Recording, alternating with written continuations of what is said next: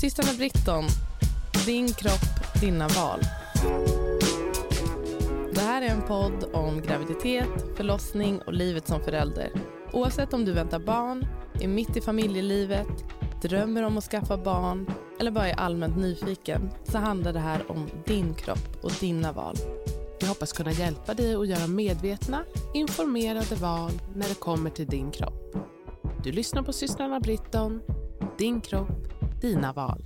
Med mig och Kokwa. Och med mig, Asabia.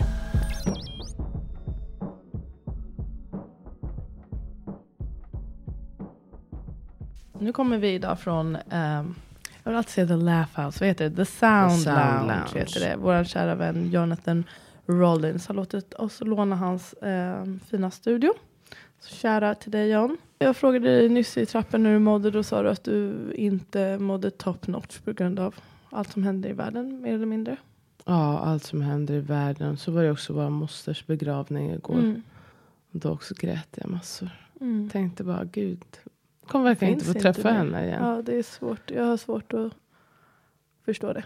Det är, väl svårt att att, förstå. Jag har liksom inte hanterat mycket sorg i livet och inte så många dödsfall av närstående personer. Men eh, jag förstår att man, aldrig, man kanske aldrig fattar. Att du liksom är inte här. Jag kommer aldrig få Det är träffa så dig. igen. himla, himla definitivt. Och det är ju så himla få grejer som är definitiva. Eftersom på något sätt det enda man vet i livet är ju att allting är föränderligt.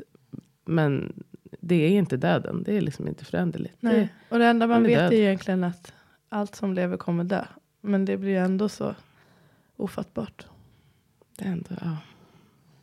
Ja, så man det, orkar inte ta in det hela tiden. Man, det är också, det, på något sätt, Vad ska man göra även det? om man bara tänker och tänker och tänker. Så det är som att tänka på universum. Alltså, så här, okej, ja, det är jättestort. Jag, kan liksom inte, ska jag göra med jag kommer inte kunna tänka klart hur stort det är. Eller förstå eller förbereda mig helt för det. Nej, Nej. det går inte. Ja. Och sen bara hela med skjutningen och USA och deras bakåtsträvande politik. Som tyvärr har prevailed. Ja, hur mår du? Så att du mådde bra. Ja, tills nu. Nej, men eh, jo. ehm, jag mår ganska bra. Vi har haft så, ändå så himla härlig helg här, tycker jag. Ja, det hade Ehm, du på landet. Midsommar. Det var underbart. Det är för alltid min bästa högtid. Jag är ju en av dem. Vi är ju en av de privileged som har landställe och allt det här och familj och firar alltid midsommar. Det är också min och favorit. eh, det är verkligen en idyll och ljuvligt och det är fint att folk är fortsatt med och friska. Och nu det, har det förändrats, det är bara vår närmsta familj men vi är ändå ett stort, väldigt stort gäng. Och det är Stort jättehärligt. gäng, ja. Ja, det var så fint. Jag kände mig verkligen energized. Jag kände flera gånger under helgen att bara, åh vad tacksam jag är. Uh, jo, jag tänkte på en grej, alltså uh, eh, random. Jag tänkte bara på att det här, det här hände också i helgen. Jag kom över en, en, jag skulle läsa en recension av en bok som jag håller på att läsa, uh, som jag läser. Jag ville, jag ska börja läsa den eller lyssna på den och jag ville se vad som hade skrivit om den. Och då kom jag upp till en recension som det var helt oväntat lite digs mot mig. Alltså den här boken handlar om liksom barnafödande och så. Och så var det, de nämnde inte mig vid namn men det var väldigt tydligt liksom vad de, vem de syftade till. Men det skulle, whatever. Alltså det jag skulle säga med det att eh, jag undviker ju väldigt, alltså om- jag undviker typ saker som är skrivna om mig. Jag kollar ju inte heller kommentarer knappt på min blogg och sådär för att jag typ orkar inte ta in, inte, det är inte ens så här sticka huvudet i sanden direkt. Det är bara att um, jag vill inte ta in allt för mycket så här Man behöver skit. också inte typ. ta in allt som alla säger om en. Alltså, det är helt orimligt. Nej, det blir väldigt mycket tycker jag. Ehm, och det kan bli väldigt personligt eftersom jag också så här, skriver om saker som ligger mig eh, väldigt personligt och nära inpå. Så därför skyddar jag mig själv på det sättet. Ehm, jag tycker på mitt eget Instagramkonto, där får jag också liksom, kritik, absolut. Men jag tycker att det görs med en mer välvilja och det är mer konstruktivt. Kanske än vad det kan vara. lättare för få. Alltså jag menar, man är, det är lite mer personligt eftersom du kan ju gå in på deras sida kanske. Ja, precis. Ibland, man, det är precis. Och då kanske man eh, Håller drar sig. sig från att Mm. skriva sitt värsta och det man egentligen känner. Till exempel, jag var ju med i den här SvD-intervjun nu också, alltså jag skulle ju aldrig gå in och läsa kommentarerna på det, den artikeln. Jag vet inte vad som står, jag bara Nej. antar att det är mycket hat. Men anyway, det jag skulle säga var att jag blev ändå glatt överraskad av mig själv. Att jag är bara så här, det här rör mig inte i ryggen att den här personen skriver så här. Det var jätteskönt, för jag har ändå liksom Ah, haft väldigt svårt med kritik och så. Och det, det som det har givit mig det är eh, att ha det här kontot och vara lite publik är ändå att um, Lite, alltså lite som vant lite tjockhudad och det är okej att alla inte håller med och man kan tycka olika. Och jag tycker också, jag förstår ju också att de här frågorna är så himla känsliga och det väcker så mycket inom en. Exakt. Ehm, och jag, jag känner mig också väldigt eh, stabil och grundad i mina egna uppfattningar och vart jag står. Åsikter. Så då känns det inte heller, då, då, då berör det ju inte lika mycket. Och jag känner inte heller lika stark vilja som jag gjort tidigare i livet att vara liksom, omtyckt av alla. Så det var Nej. jätteskönt. Så kunde jag läsa den och bara, "Ha, ja. Alltså är själva boken är kritisk till dig eller bara den här Nej, inte recensionen? boken. Eh, jag, har inte, jag, har inte, jag har precis påbörjat boken. Jag tror, det är en skönlitterär bok, så jag hoppas att den Handlar den, handlar den om dig? Det är bara så random. Nej, men det handlar liksom, det är en skönlitterär bok eh, som är fiktiv, men den typ ändå illustrerar lite samtidens syn på um, barnafödande och Ja. på mm, den här så kallade så här, alternativa rörelsen som vill göra lite, Ja, att man vill föda barn själv. Eller? vad menar du? Nej, men jag menar liksom att man vill föda barn på sina egna villkor. Mm, mm. Att man vill vara engagerad Ja, i sin precis, födelse. precis. Det är Det alternativet. provocerar väldigt mycket i alla fall. Men, eh, och då kom den här personen in på mycket då hur det är nu. Och att liksom folk väljer att typ lyssna på influencers som går på allmän känsla. Ja, snarare än liksom riktig forskning och yada. Alltså det var liksom Ah, lite, okej. lite Mm. shade och lite digs. Ehm, men det var också, ja. Det, jag kan Ah, väl ja, men- sen, det var väldigt tydligt att det var jag. Liksom. Att det- Men det det, som var kontentan var att det var väldigt skönt att känna att, ja, Hey, do you. Ja, mm, underbart. det grattis. Tack. Det är jätteskön känsla. Kommer det något? Nej, det kommer inget. Det Nej. kommer inga Och sen så kan jag verkligen också ibland när folk um, alltså är så här, ge, försöker ge konstruktiv feedback. Alltså det kan också inte slå ifrån sig det som jag tror att förut hade jag blivit lite mer defensiv att känna så här. Va? Nej men vänta, varför säger du, varför kritiserar du mig? Men Ja. jag tycker det känns också helt okej och jag förstår också att jag blir liksom synad och så. Att det, det är ju, man kan inte bara få eh, Ros. the gold and the glory och synas och alla ska adore you. Liksom, alltså, det är ju verkligen inte så. Ja. Och en grej med just konstruktiv kritik det är ju att alltså, man vill ju också någonstans bli bättre. bättre. Ja, det är ju jobbigt ibland att någon annan ska säga Mm. du kan bli bättre så här. Men eh, jag tycker oftast, jag är inte så, så bra på det här initiala just. Men däremot så tänker jag ofta på det efteråt. Och jag har liksom med tiden blivit mycket bättre på att ta till mig av att ja, men var det här rimligt? Ja, ja men det här var faktiskt ganska bra. Det, ja, vi kör på det. Mm. Och ibland tycker man att nej, Nej, precis. jag tänkte kan- och det var inte för mig. Nej. Ja, men det är väldigt skönt. Och jag, för övrigt har jag känt så ganska mycket nu. Det låter lite pretto, men att jag känner som att jag håller på att göra någon typ av lite inre resa utvecklas. Mm. Och eh, jag tänker mycket på ja, men mina föreställningar om saker och beteenden och vanor. Och, Alltså ifrågasätter Ja. dem och ja, ja. och så nu har jag börjat i terapi precis. Jag gillar, jag eh, har, bara haft en session nu. Jag ska köra en gång i veckan.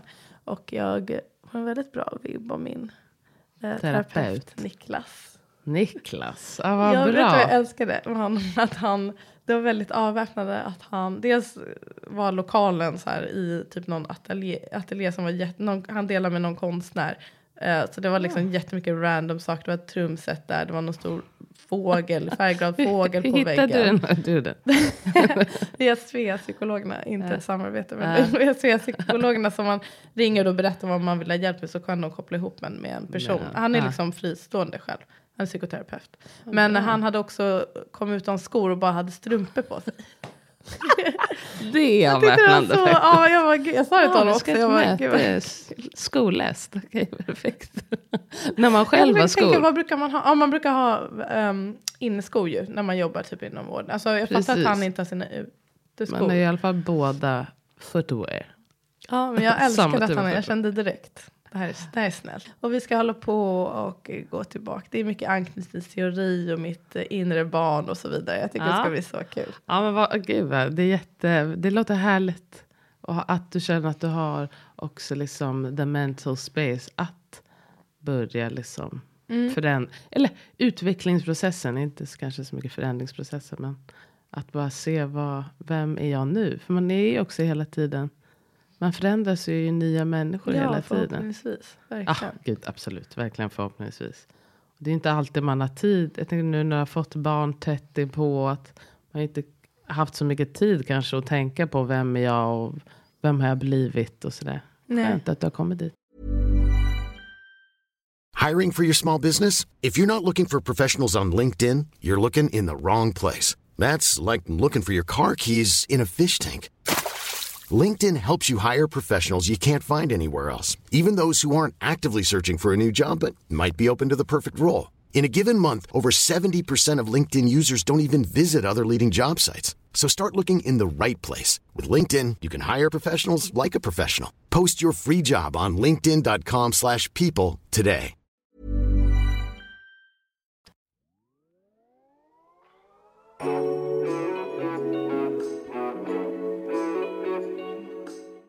Du sa så här i början, du bara, vi ska prata om det här med aborten i USA. Ja, ja, men ja, jag, vet, jag vill bara säga att det känns jävla tråkigt. Um, ta reda på också, oavsett vad man uh, röstar på, ta reda på vad de står i den här frågan. Vi har pratat om abort förut, uh, men det är ju visar sig ju hela tiden vara aktuellt och nu är det liksom miljontals kvinnor som inte kommer kunna liksom göra abort när de varken behöver eller vill. Miljontals människor som kommer påverkas av det här. Både barn och liksom män och kvinnor. Och det är så uh, fruktansvärt. Mm. Och man får, det blir tydligt också att det är, även fast USA ligger långt ifrån oss på många sätt, så är det också väldigt nära oss på många sätt. Och man inte ska liksom ta de här sakerna för givet. Tyvärr. Man kan tro att men nu har vi kommit fram hit. Då är man här. Liksom. Då är det bara framåt som är vägen. Men tydligen inte. Så jävla sjukt. Och det, alltså eh, för dem, jag vet, eh, man tänker att alla kanske vet, men det som har hänt är att eh, Högsta domstolen har sagt, eller the Supreme Court har sagt att nu ska staterna få välja själva hur de vill göra med eh, ja, aborträtten. Och då är det ju några stater som har sagt att liksom, nu är det förbjudet.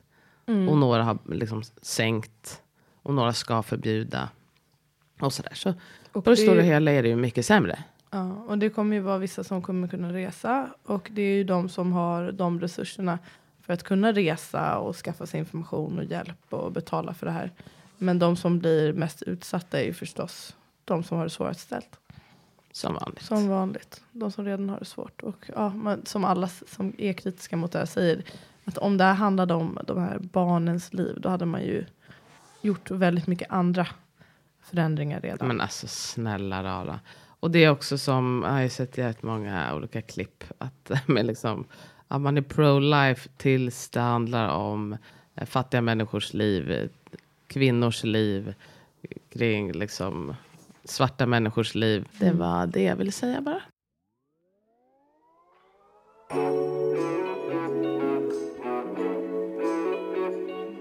Jag och eh, Amat hade vårt första bråk framför Lalo. Så jag undrar dels, brukar du bråka? Brukar ni bråka för övrigt? Alltså så här, liksom, där man hör att det är liksom ett bråk. Jag, jag och Amat bråkar inte ofta. Nämligen. Nej, Längre. alltså det är periodvis. Nu gör vi inte det. Men det var ett tag när vi absolut eh, bråkade oftare. Eh, men nej, nu tack och lov så var det ett tag sedan som vi var bråkade. Men Bråka, så. Men det är klart man kan ju bli Alltså, förbannad det finns ju på nivåer. varandra. Alltså, man, Ja. Det är inte som att, alltså, för min del i alla fall, det är inte som att man slänger saker eller skriker. Men det blev ju tydligt att vi bråkade för Lallo fattade också att det var ett bråk. Han var så här, blev lite förvirrad och bara varför, eh, han frågade typ så här, varför pratade ni sådär med varandra eller något sånt där. Och, och så sen så sa han sluta bråka. Alltså jag tyckte ändå, han märker ändå av liksom nyanser för det var inte som sagt något skrik eller så. Men han märkte att vi var liksom irriterade på varandra. Ja. Ehm, och så sa han också till oss att eh, nu, ska, nu måste ni säga förlåt. Han sa att pappa, du måste säga förlåt till mamma och ni måste säga förlåt till varandra. Och det blev så också, det blev, gav mig en inblick om hur det är att vara barn. För vi ville ju verkligen inte i den stunden säga förlåt. Vi var båda irriterade. Ja. Och när någon är så här, nu måste ni säga förlåt in the he- heat of the moment. Alltså det, Ja. jag antar att det är så han också kan känna ibland. När folk säger så här, nu måste du säga förlåt, men jag är inte redo liksom. Nej, och också, och jag, vi ville inte jag känner inte förlåt. Nej, jag vet. jag Så det är helt onödigt. Ja. Ja, jag tyckte det var ändå det var värdefullt för mig att få den liksom, Påminnelsen. påminnelsen. För jag kände absolut, absolut att jag hade kunnat sagt det eventuellt. Men jag kände verkligen, jag vill inte, förlåt. Och man vill ju, Och jag har inte gjort fel. vi har pratat om det här, det, vi har pratat om det här tidigare, liksom att säga till eh, sina barn och säga förlåt eller säga till dem och säga tack. Mm. Och att det är ju inte helt lätt faktiskt. För att, Och jag tycker man ju vill att tack att är mera, alltså jag vill ju att de ska vara tacksamma, det pratar vi mycket om. Men eh, jag tycker tack också är liksom en artighetsgrej som ursäkta. Okej, du kanske inte menar ditt ursäkta när du går för någon till putta in dig. Men jag tycker bara det, den är mer för. Och det här är ju bara Ja. mitt eget tycke. Men förlåt just tycker jag är lite... Jag, jag vet inte om man lär dem någonting egentligen. Alltså man vill ju att de ska ha empati och förstå vad de har gjort fel. Men själva, om man kan visa att man eh, liksom ber om ursäkt snarare än att säga det. Ja, det är väl där jag ligger. Men jag tyckte det här var väldigt tydligt så. Sen så blev det också en... Jag funderade på det här med att borde man... Borde vi liksom inte ha gjort det här framför dem? Var det fel? Eller eh, är det bra? Och vi, jag, jag tänkte sen, jag kom fram till att jag vill snarare då visa honom hur man kan hantera det. Att det är okej att man har olika känslor. Att jag blir jag blir också arg ibland, det vet han ju. Jag kan ju bli arg på dem, absolut. Men jag, att vi brukar som sagt inte bråka. Men att det också visa att vi älskar varandra. Men vi kan också eh, tycka olika, bli irriterade på varandra. Men det är liksom hur man eh, hanterar det. Och eh, hur var det det slutade egentligen? Jag tror inte vi kunde säga... Jag förklarade för honom bara att vi, vi tycker olika. Pappa tycker att mamma är lite otrevlig nu. Um, men det kommer bli bra. Liksom. Men det är hon inte. Nej, jag sa faktiskt så inte pappa det. hade fel. Och så jag var det lite vara. otrevlig. Jag kommer inte ihåg vad det här gällde. Men det var väl att jag var lite otrevlig kanske. Men jag tyckte också att han var en tönt. Liksom. Ja, perfekt. det var så du förklarade det. Alltså, Pappa är en tönt, så det, då blir det så här ibland. Mm. Har ni bråkat framför Irie till exempel? Ja, vi har bråkat framför Ivy. Och hon har frågat, men... Eller så här, bara sluta bråka. Eller så här. Ibland har hon ju sagt sluta bråka, alltså när vi inte ens bråkar. Ah, okay. Eh, att liksom bara att man är bara så här, nej men jag tycker, tycker så. Ni alltså att man bara är så här, ja Ja. exakt. Och att vi, liksom, vi är absolut inte osams. Att man bara är så här, eh, ja men man tycker kanske kraftigt om någonting. Mm. Men liksom, vi sitter vid middagsbordet, det är liksom ingen grej. Eh, men när hon har sagt sluta bråka, när vi har bråkat, då har jag sagt det att precis som att eh, du och jag bråkar ibland och, och du bråkar med dina syskon så kommer jag och pappa bråka ibland. Det är inte så lätt att bo med varandra. Vi är ju många i vårt hem, så det är någonting vi pratar om ofta. Att vi är många här och vi måste liksom anpassa oss efter varandra. Och alla gör så gott de kan. Ehm, och då sa jag det bara att vi, nu tycker vi inte samma sak. Och nu, nu bråkar vi för att nu är vi liksom sura på varandra. Men vi kommer också bli sams. Precis som vi alltid blir sams. Det är ingen fara. Och då var det som att hon bara, ah, okej. Jag Alltså, tycker verkligen det är så himla bra. Alla sådana här svåra stunder, och även när man blir arg på barnet, att om man kan, det går ju såklart inte alltid, men att det blir som ett så bra eh, exempel, ett så bra lärtillfälle, att så här kan man göra. Det blir också bra för mig att se det så, för då hanter, försöker jag också hantera det bättre. Ja, Eh. och också att jag har då försökt, när jag väl känner mig redo, att jag också mm, känner att eh, jag ska be om ursäkt. Att jag också gör det framför Ja men Ivy. precis, det gjorde vi också, men det var då dagen efter. Egentligen tycker jag att man helst ska säga förlåt innan man lägger sig. Men nu var det så här på kvällen och jag, kände bara att jag, nej, I'm not ready. Nej. Men dagen efter så var jag ready och det gick bra och så såg han det så tyckte han att det var härligt. Mm, precis. Mm. Jag tror att liksom... ehm, det, jag, jag förstår kanske tanken med att liksom inte bråka framför sina barn. Speciellt om man kanske bråkar väldigt mycket. Då Ja, eller om det, är, jobbigt. alltså om det är liksom Om man- kris och att det är Ja, att det är ett allvarligt bråk, då kanske man inte, och man pratar om Nej. liksom svåra saker. Det här gällde ju någon, alltså, jag vet inte, det var något riktigt larvigt vi tjafsade om.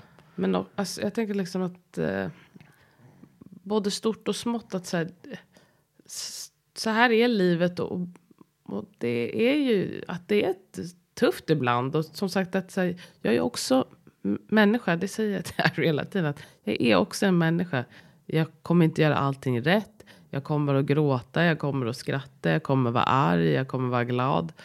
Liksom, och, och det är liksom helt okej.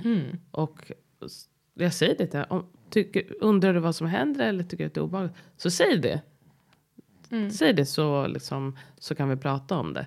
Men jag måste också få känna mina känslor.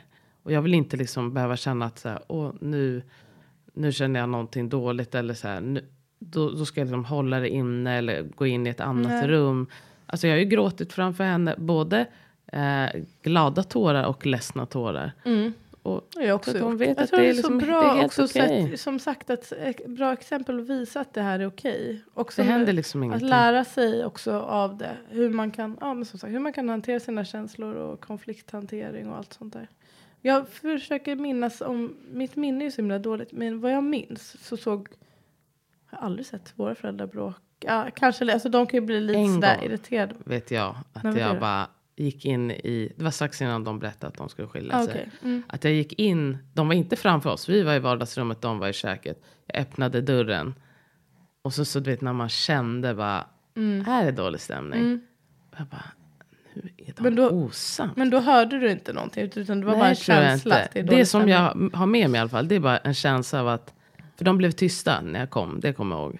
Och att jag bara, fan nu bråkar de. Alltså du vet att jag var så här, shit. För de gjorde annan... frites. De måste väl ha bråkat mycket på den tiden. Vå- Våra föräldrar är gifta nu men de skilde sig eh, ett tag, två år eller? Tre år tror jag. Tre år när jag var tio tydligen. Jag trodde verkligen jag var sex. Alltså jag har ingen koll. Det var Vicky som berättade att jag var tio.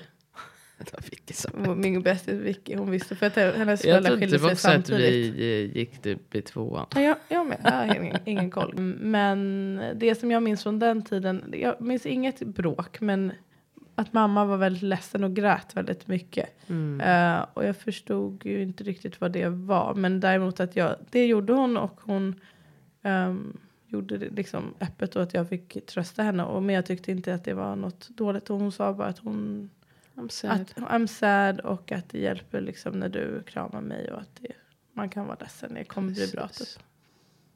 Mm. är Jag har inga men av det alls. Alltså, tvärtom tycker jag. Att, Nej, man, man är Fint. ju ledsen. Fan ibland. jag vet. Och det, jag tror att vissa man- känner kanske att det är att skrämma. Typ. Men det, det kan jag påminna mig lite om det här med att många som inte vill prata om döden med sina barn. Mm. Eller kanske till födsel också för den delen. Att man bara säger, "Nej, det är för mycket för dem. Men det jag tror att man gör är att man bara projicerar sitt Sina eget. egna rädslor, verkligen. Och att liksom prata barnet om döden. Ja men ha en diskussion om det istället för att säga bara, nej det där kommer inte hända dig, det där kommer inte hända mig. och Nej, här. alltså, för vet du, döden kan också komma väldigt nära även för ett barn. det kan komma och då, jävligt plötsligt jävligt också. plötsligt. Mm. Och då blir det... eh, Alltså det blir svårt ändå, men chocken kanske. Jag vet inte vad jag tycker man gör dem en otjänst. Någon gång måste man förstå lite att det här är, är en del av livet och att man går igenom svåra saker. Ja, och också snälla, eh, alltså också som förälder. Det är liksom, man, ingen kommer dö av att du tänker på döden. Nej. Alltså det är faktiskt ganska hälsosamt att tänka på döden. Det finns ju liksom en anledning varför så himla många som har nära döden upplevelse säger liksom nu lever jag fullt ut. För att mm, om man bara får verkligen smaka på det. Det behöver inte ens vara att man själv håller på att dö. Men en nära, liksom nära och kära eller som jag som jobbar med döden. Att man får vara nära döden och liksom bara acceptera att det här är det här är lika mycket en del av livet som att leva. Mm. Och att det blir så tydligt att det här är liksom vårt enda liv. Det här är det nu. livet och liksom då blir det ändå att man håller inte på och man blir åtminstone påmind om att så här, vad är det jag vill? Man bryr sig inte om när folk skriver hatiska Kommentarer. insinuerande kommentarer. Ta det. Nej men verkligen. Och så här, man kanske inte bara så här, nu är det bara karriär, jag ska uppåt, uppåt, uppåt och sen så ska jag leva sen. Mm. För sen vet vi fan ingenting om. Mm. Hur pratar du om döden med Irie?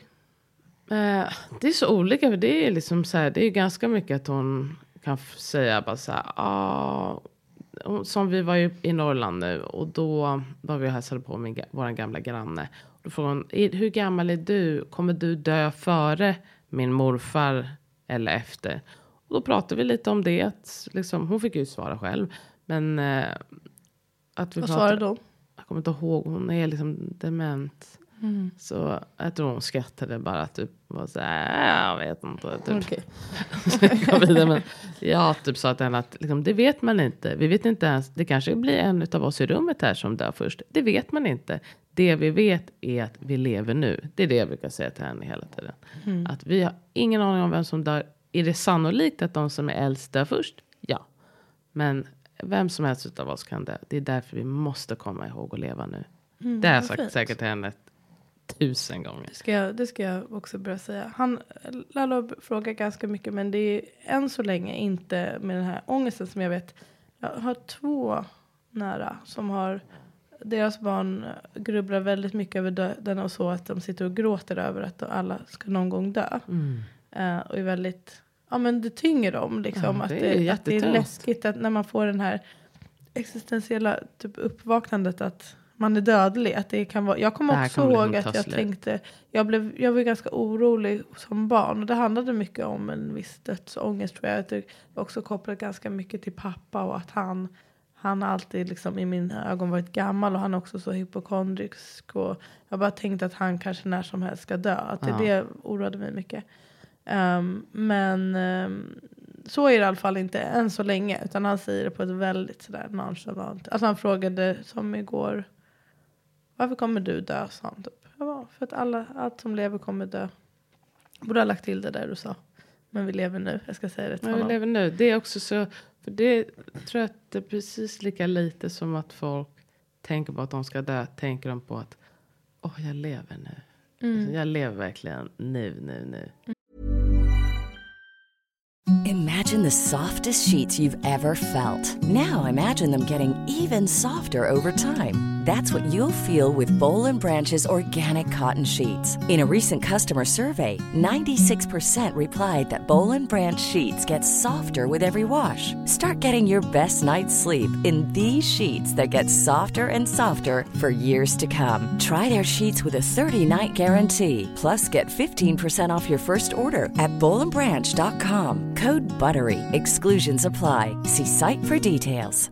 Hi, I'm Daniel, founder of Pretty Litter. Did you know cats tend to hide symptoms of sickness and pain? I learned this the hard way after losing my cat, Gingy. So I created Pretty Litter, a health monitoring litter that helps detect early signs of illness by changing colors, saving you money and potentially your cat's life. Pretty Litter is veterinarian developed, and it's the easiest way to keep tabs on your fur baby's health right at home. Go to prettylitter.com and use code ACAST for 20% off your first order and a free cat toy. Terms and conditions apply. See site for details. Du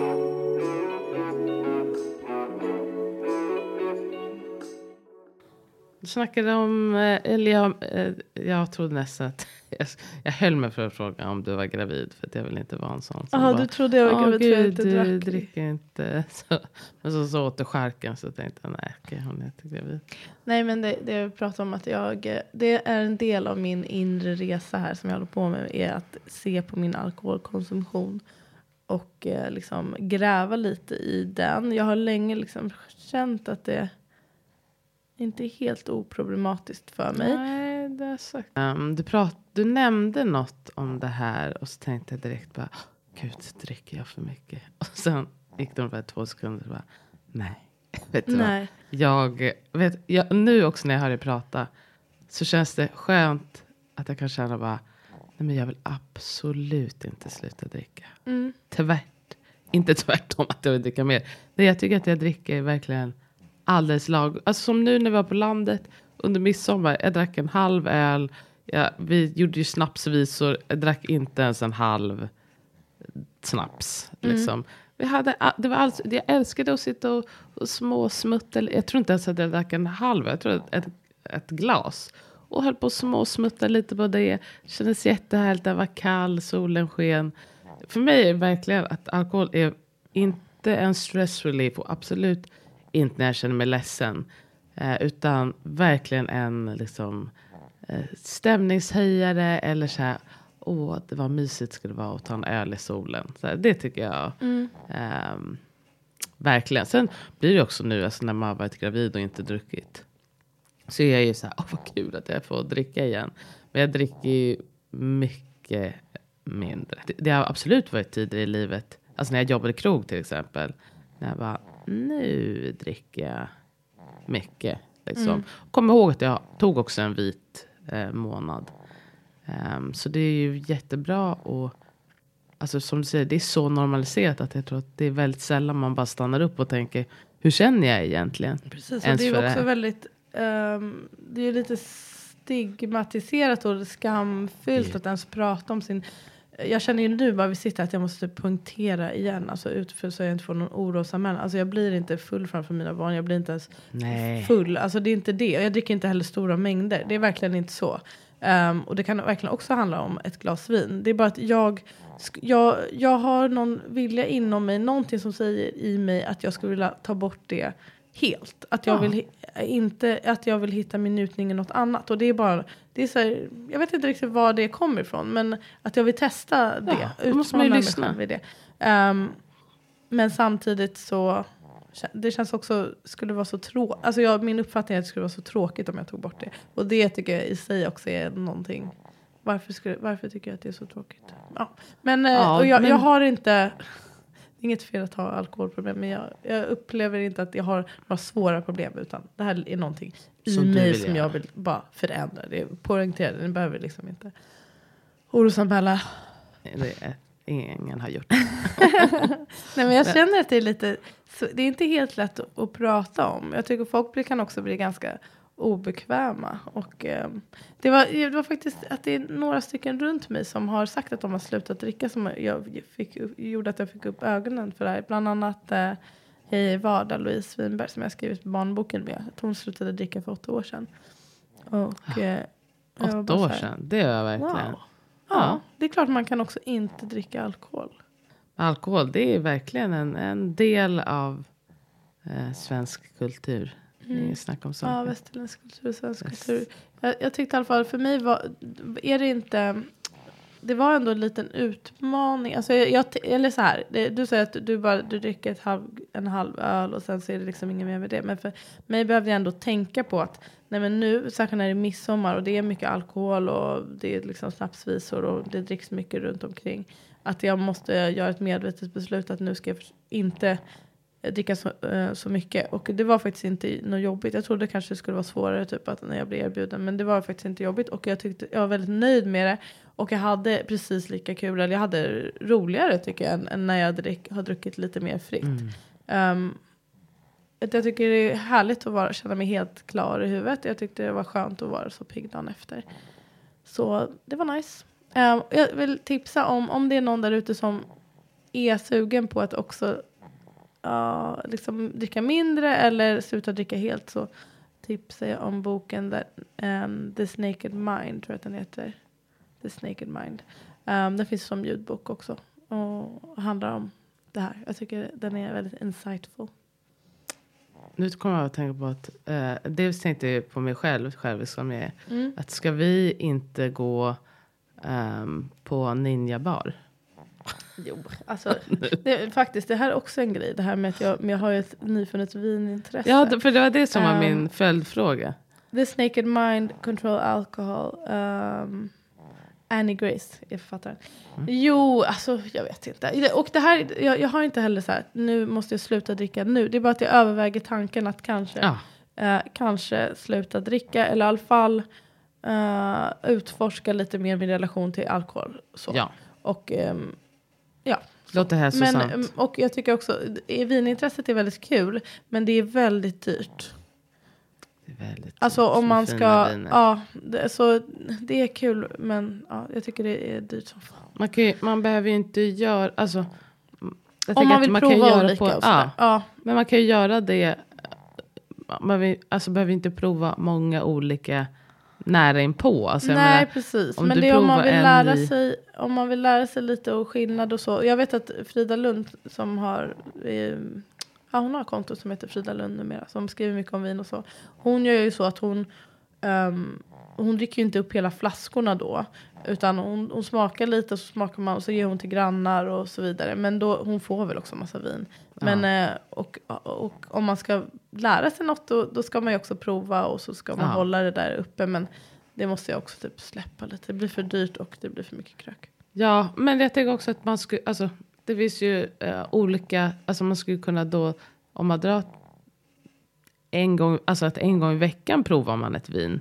Visst att det, man lär sig inte så fort, men då kan man ju ändå hålla upp sitt intresse och så här, då har Ja, man hela precis. veckan och så här, vad, vad är det liksom alla snackar om nu? Och så, så liksom, får man ta tid och leta och välja ut. Och så får man ju ändå liksom, och så blir det kanske lite mera så här, nu ska jag prova det här, det är liksom veckans vin.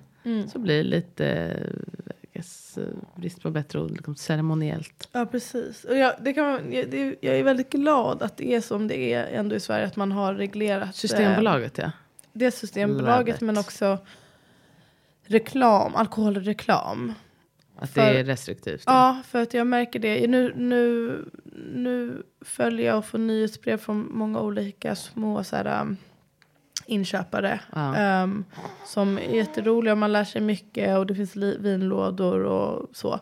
Men jag, jag blir också påverkad när de förklarar någon vinbox och eh, bara, oh. Spännande, det är vackra etiketter och de beskriver väldigt härligt hur, var och hur man ska dricka det här. Jag blir ju absolut köpsugen. Um, och så det, för min del, jag som också är, alltså jag har det här lilla beroende, eller beroende, men det här liksom Uh, ohä- alltså jag har svårt att hämma mig själv. Du vet hur det var när vi brukade gå ut förut. Alltså jag är Att den som, ville gå Jag hem. vill aldrig gå hem. jag Nej, måste precis. fortsätta hela tiden. Jag har det där i mig.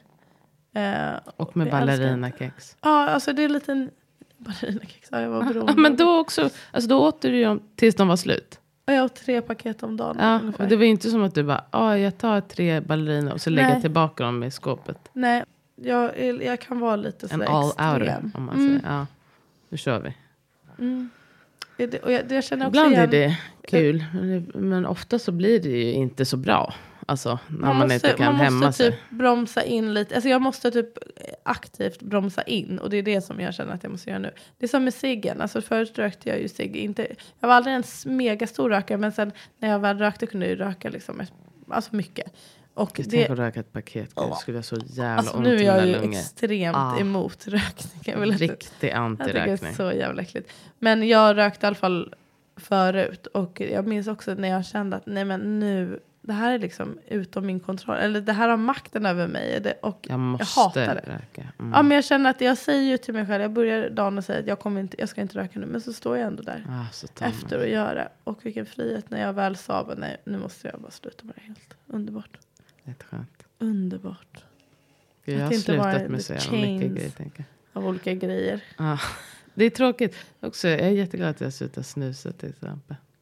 Mm. Det var också... Det verkar också vara så jävla svårt. Jag är glad att jag inte började med det. För det verkar så svårt att sluta.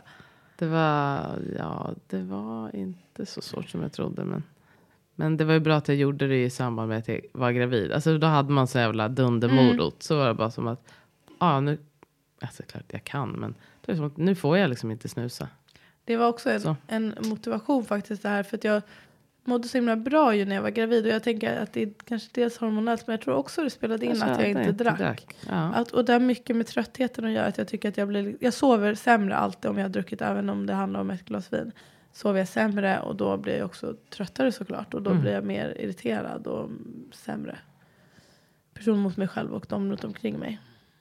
Jättebra. Alltså, Mm. Vi får se. Det är, inte, det är också the Men journey, not the du, destination. ja, och också jag tänker att du har ju redan liksom vunnit någonting i att så här, vet du vad, jag, jag ska bara fundera på hur jag lever mitt liv. Det är ju så himla mycket grejer vi gör som är per automatik. Eller liksom bara, ja så har jag alltid gjort. Exakt. Och så, så ifrågasätter man liksom inte det. Och att ifrågasätta hur, vilka val man gör och hur man lever sitt liv. Det tror jag alla vinner på. Och man ifrågasätter och så kan vi komma fram till att, jag vet vad, jag fortsätter så här. Det funkar för mig. Eller så kommer man på att jag måste göra lite förändringar eller jag måste sluta. Det är liksom, finns ju inget dåligt i att ifrågasätta har så negativ klang på något sätt. Men att, ja, men just fråga sig varför, hur, bör jag, bör jag inte.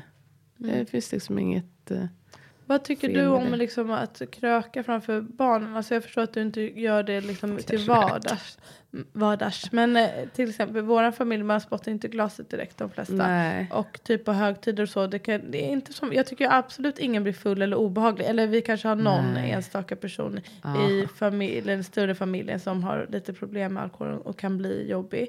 Men i den närmsta så är det inte det. Men tycker du att, jag tycker också där att jag, jag vet inte hur mycket drickande jag vill att de ska se. Jag, vet inte, jag tycker inte att det, det verkar som att de påverkas negativt av det. Och som du säger, jag uppfattar inte som att det är någon som alltså, blir slirig eller på något sätt bara så här. Nu är du liksom lite personlighetsförändrad som man ändå kan bli när man är full.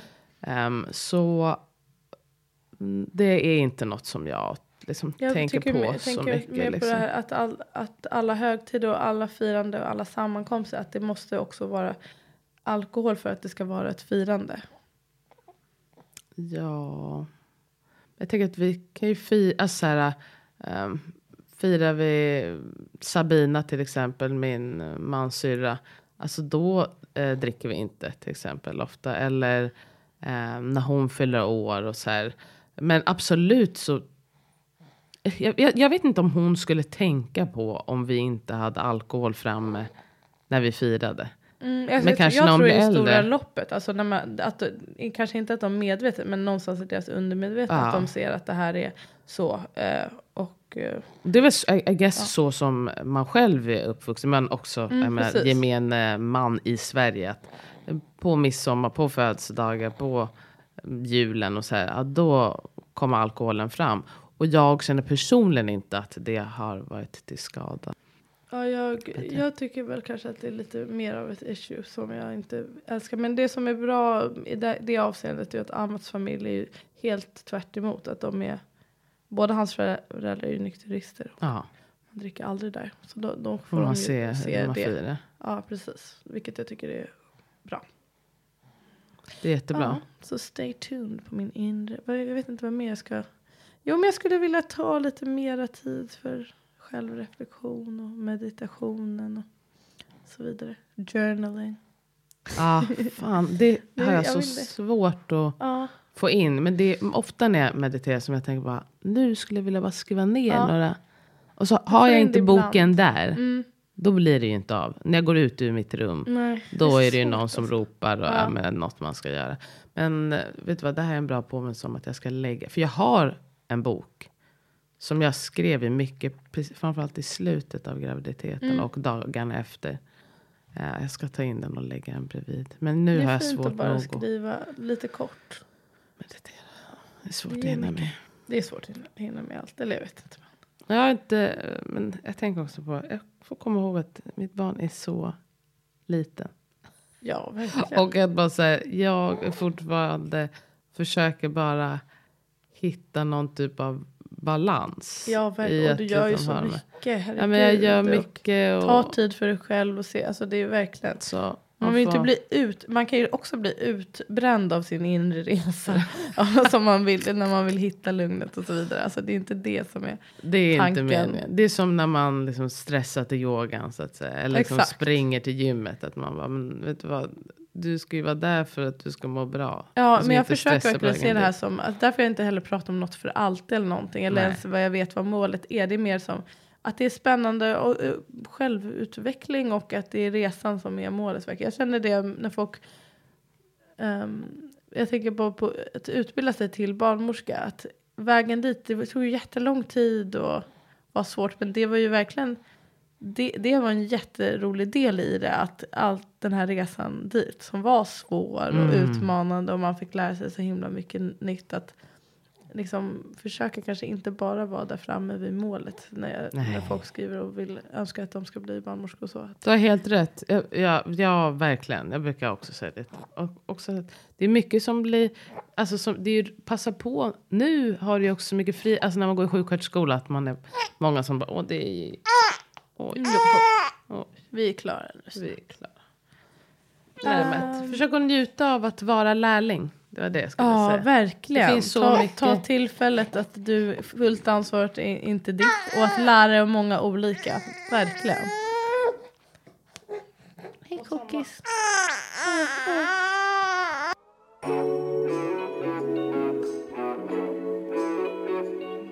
Jag vill bara säga, sist men inte minst, att även i föräldraskapet, alltså att när de är så här små, att, liksom att man inte...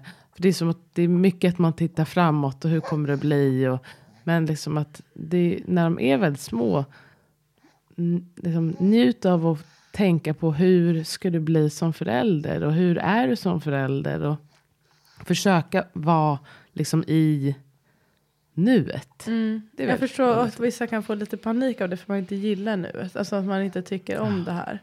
Och att det är så här, eller att bara säga, jaha vad är det här?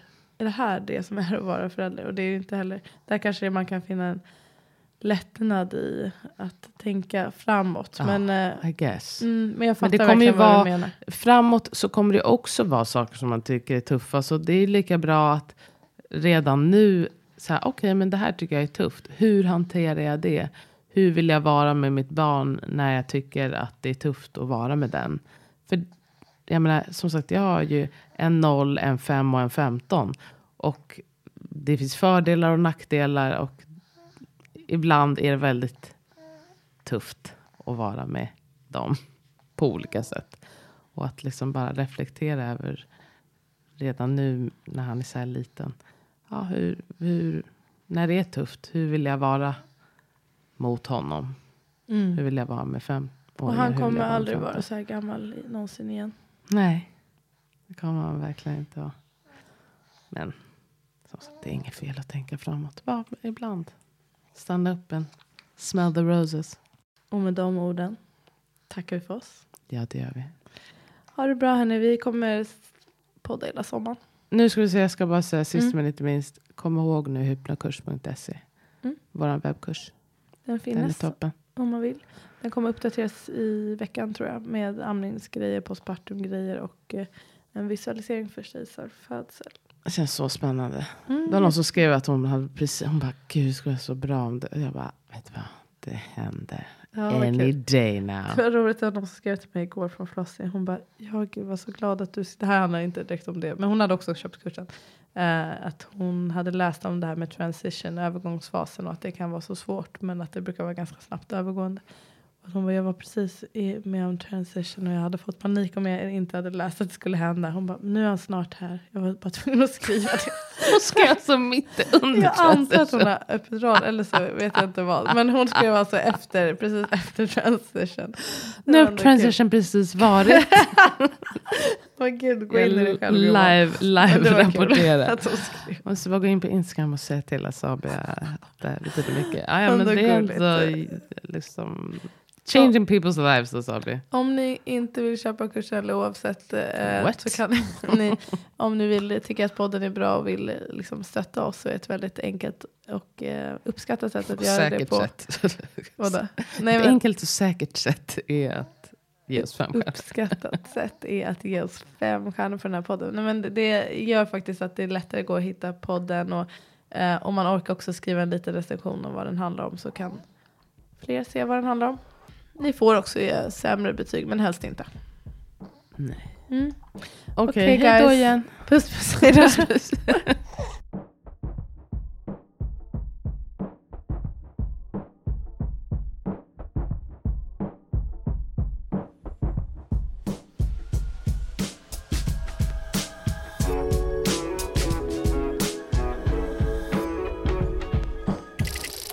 Du har lyssnat på en podcast producerad av Ami och Fanna Produktion.